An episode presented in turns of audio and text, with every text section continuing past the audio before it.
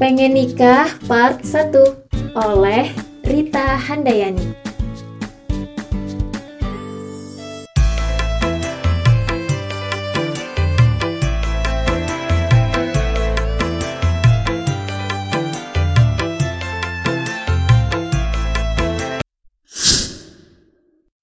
Musik pengiring pernikahan ini membuat hati Joko yang duduk di atas pelaminan semakin berdebar tak menentu. Malam kian pekat, tamu undangan berangsur mulai menghilang. Tinggallah keluarga dan tim panitia. Tiba-tiba saja Joko sudah berada di kamar. Hatinya berdesir kencang kala melihat sesosok wanita yang masih lengkap dengan gaun nikah dan wajah tertutup cadar. Perlahan, Joko mengangkat tangan menuju ke cadar pengantin wanita di depannya. Tangan Joko gemetar, lidahnya keluh, tak mampu bersuara sepatah kata pun. Jantungnya berdetak dengan sangat cepat, tak mampu dikendalikan. Nafas jua tak mengalir sempurna, membuat sesak tak beraturan. Jemarinya sudah berada di tepi kanan cadar sang pengantin wanita. Pelan-pelan Joko menurunkan cadar si pengantin wanita. Rasa penasarannya semakin membuncah. Saat cadar itu mulai turun perlahan dari wajah pengantin wanita. Joko memejamkan mata, setelah itu membuka mata perlahan. Kau seperti orang yang kukenal, bisik Joko dengan lembut. Kecantikanmu menyerupai ibuku. Tukasnya dengan pandangan masih remang-remang gamang. Jo, bangun! Sudah zuhur! Suara itu menghentakkan kesadaran Joko. Matanya terbelalak kaget. Dilihatnya wajah yang sangat dia kenal. Ia mengingat-ingat. Joko terperanjat kala kesadarannya telah kembali dari alam tidurnya. Wajah emak memenuhi cakrawala matanya. Sudah zuhur le, segera bangun toh. Seru emak yang sedang duduk di samping kasur tempat Joko tidur. Kamu itu mimpi opo? Emak mengelus kening Joko yang sudah bujang tetapi masih dianggapnya anak kecil. Moso emak dibilang cantik. Emak sih walaupun sudah tua, emak masih kelihatan cantik. Kata emak sambil menutup mulutnya terkekeh sendiri. Astagfirullahalazim, Joko meraupkan kedua tangan di wajahnya.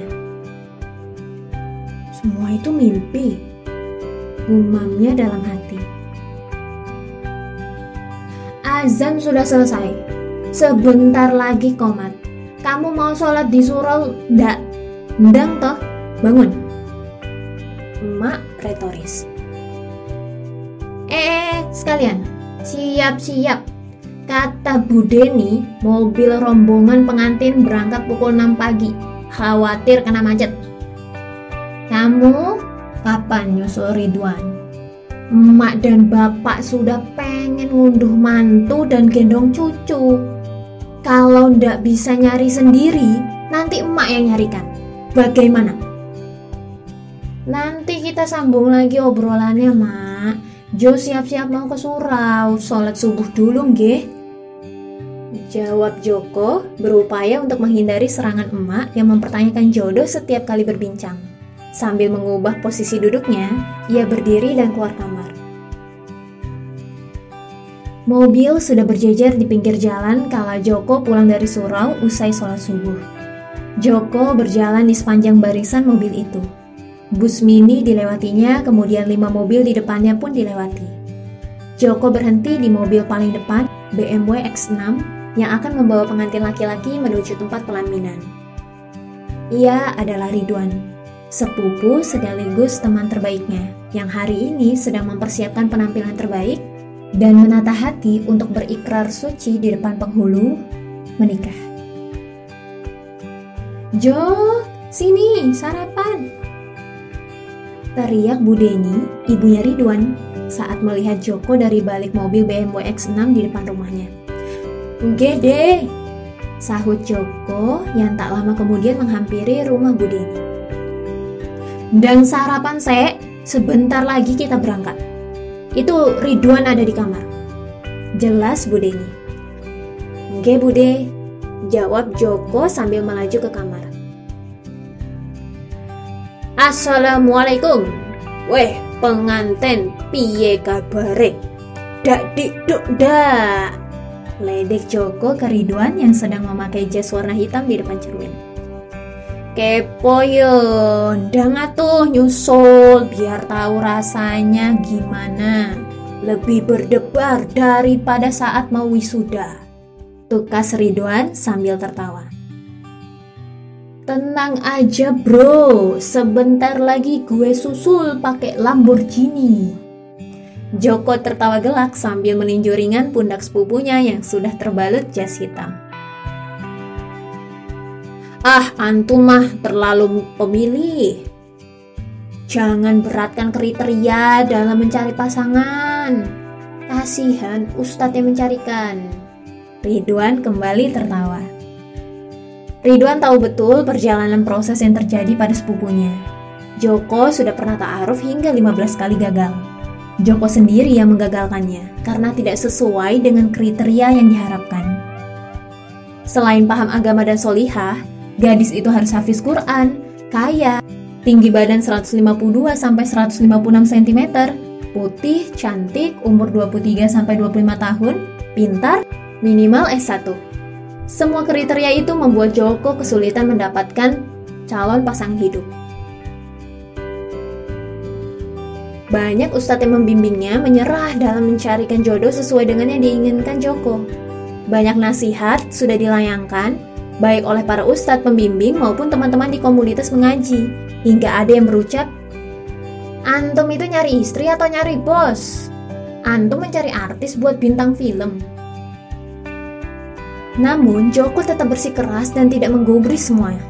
Joko mengingat-ingat jawabannya kala itu. Kalau bisa mendapatkan semuanya, kenapa enggak? Namun, kini usianya tidak semudah dulu. Waktu terus melaju. Joko sekarang sudah genap 30 tahun membuatnya mulai berpikir, jika terus kukuh dengan standar calon pendamping hidup yang harus super sempurna, apakah ia akan mendapatkannya? Bagaimana kalau tidak mendapatkan sesuai dengan idealisme yang diharapkan? Mulailah ada kekhawatiran, bisa-bisa menjomblo seumur hidup.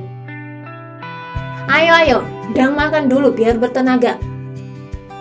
Bu Deni masuk ke kamar dengan membawa dua piring nasi, lengkap dengan lauk dan sayur, membuat buyar lamunan sesaat Joko. Deh, ini gimana? Masih ada yang mau dibawa nggak? Tanya seorang anak gadis yang sedang membantu angkut-angkut ke mobil barang bawaan untuk dibawa ke tempat mempelai perempuan. Yo, se, se, se, se. Jawab Bu Deni ke anak gadis itu. Selesai sarapan, segera siap-siap yo. Le, khawatir macet di jalan. Titah Bu Deni kepada Ridwan dan Joko sambil berlalu dari kamar anak.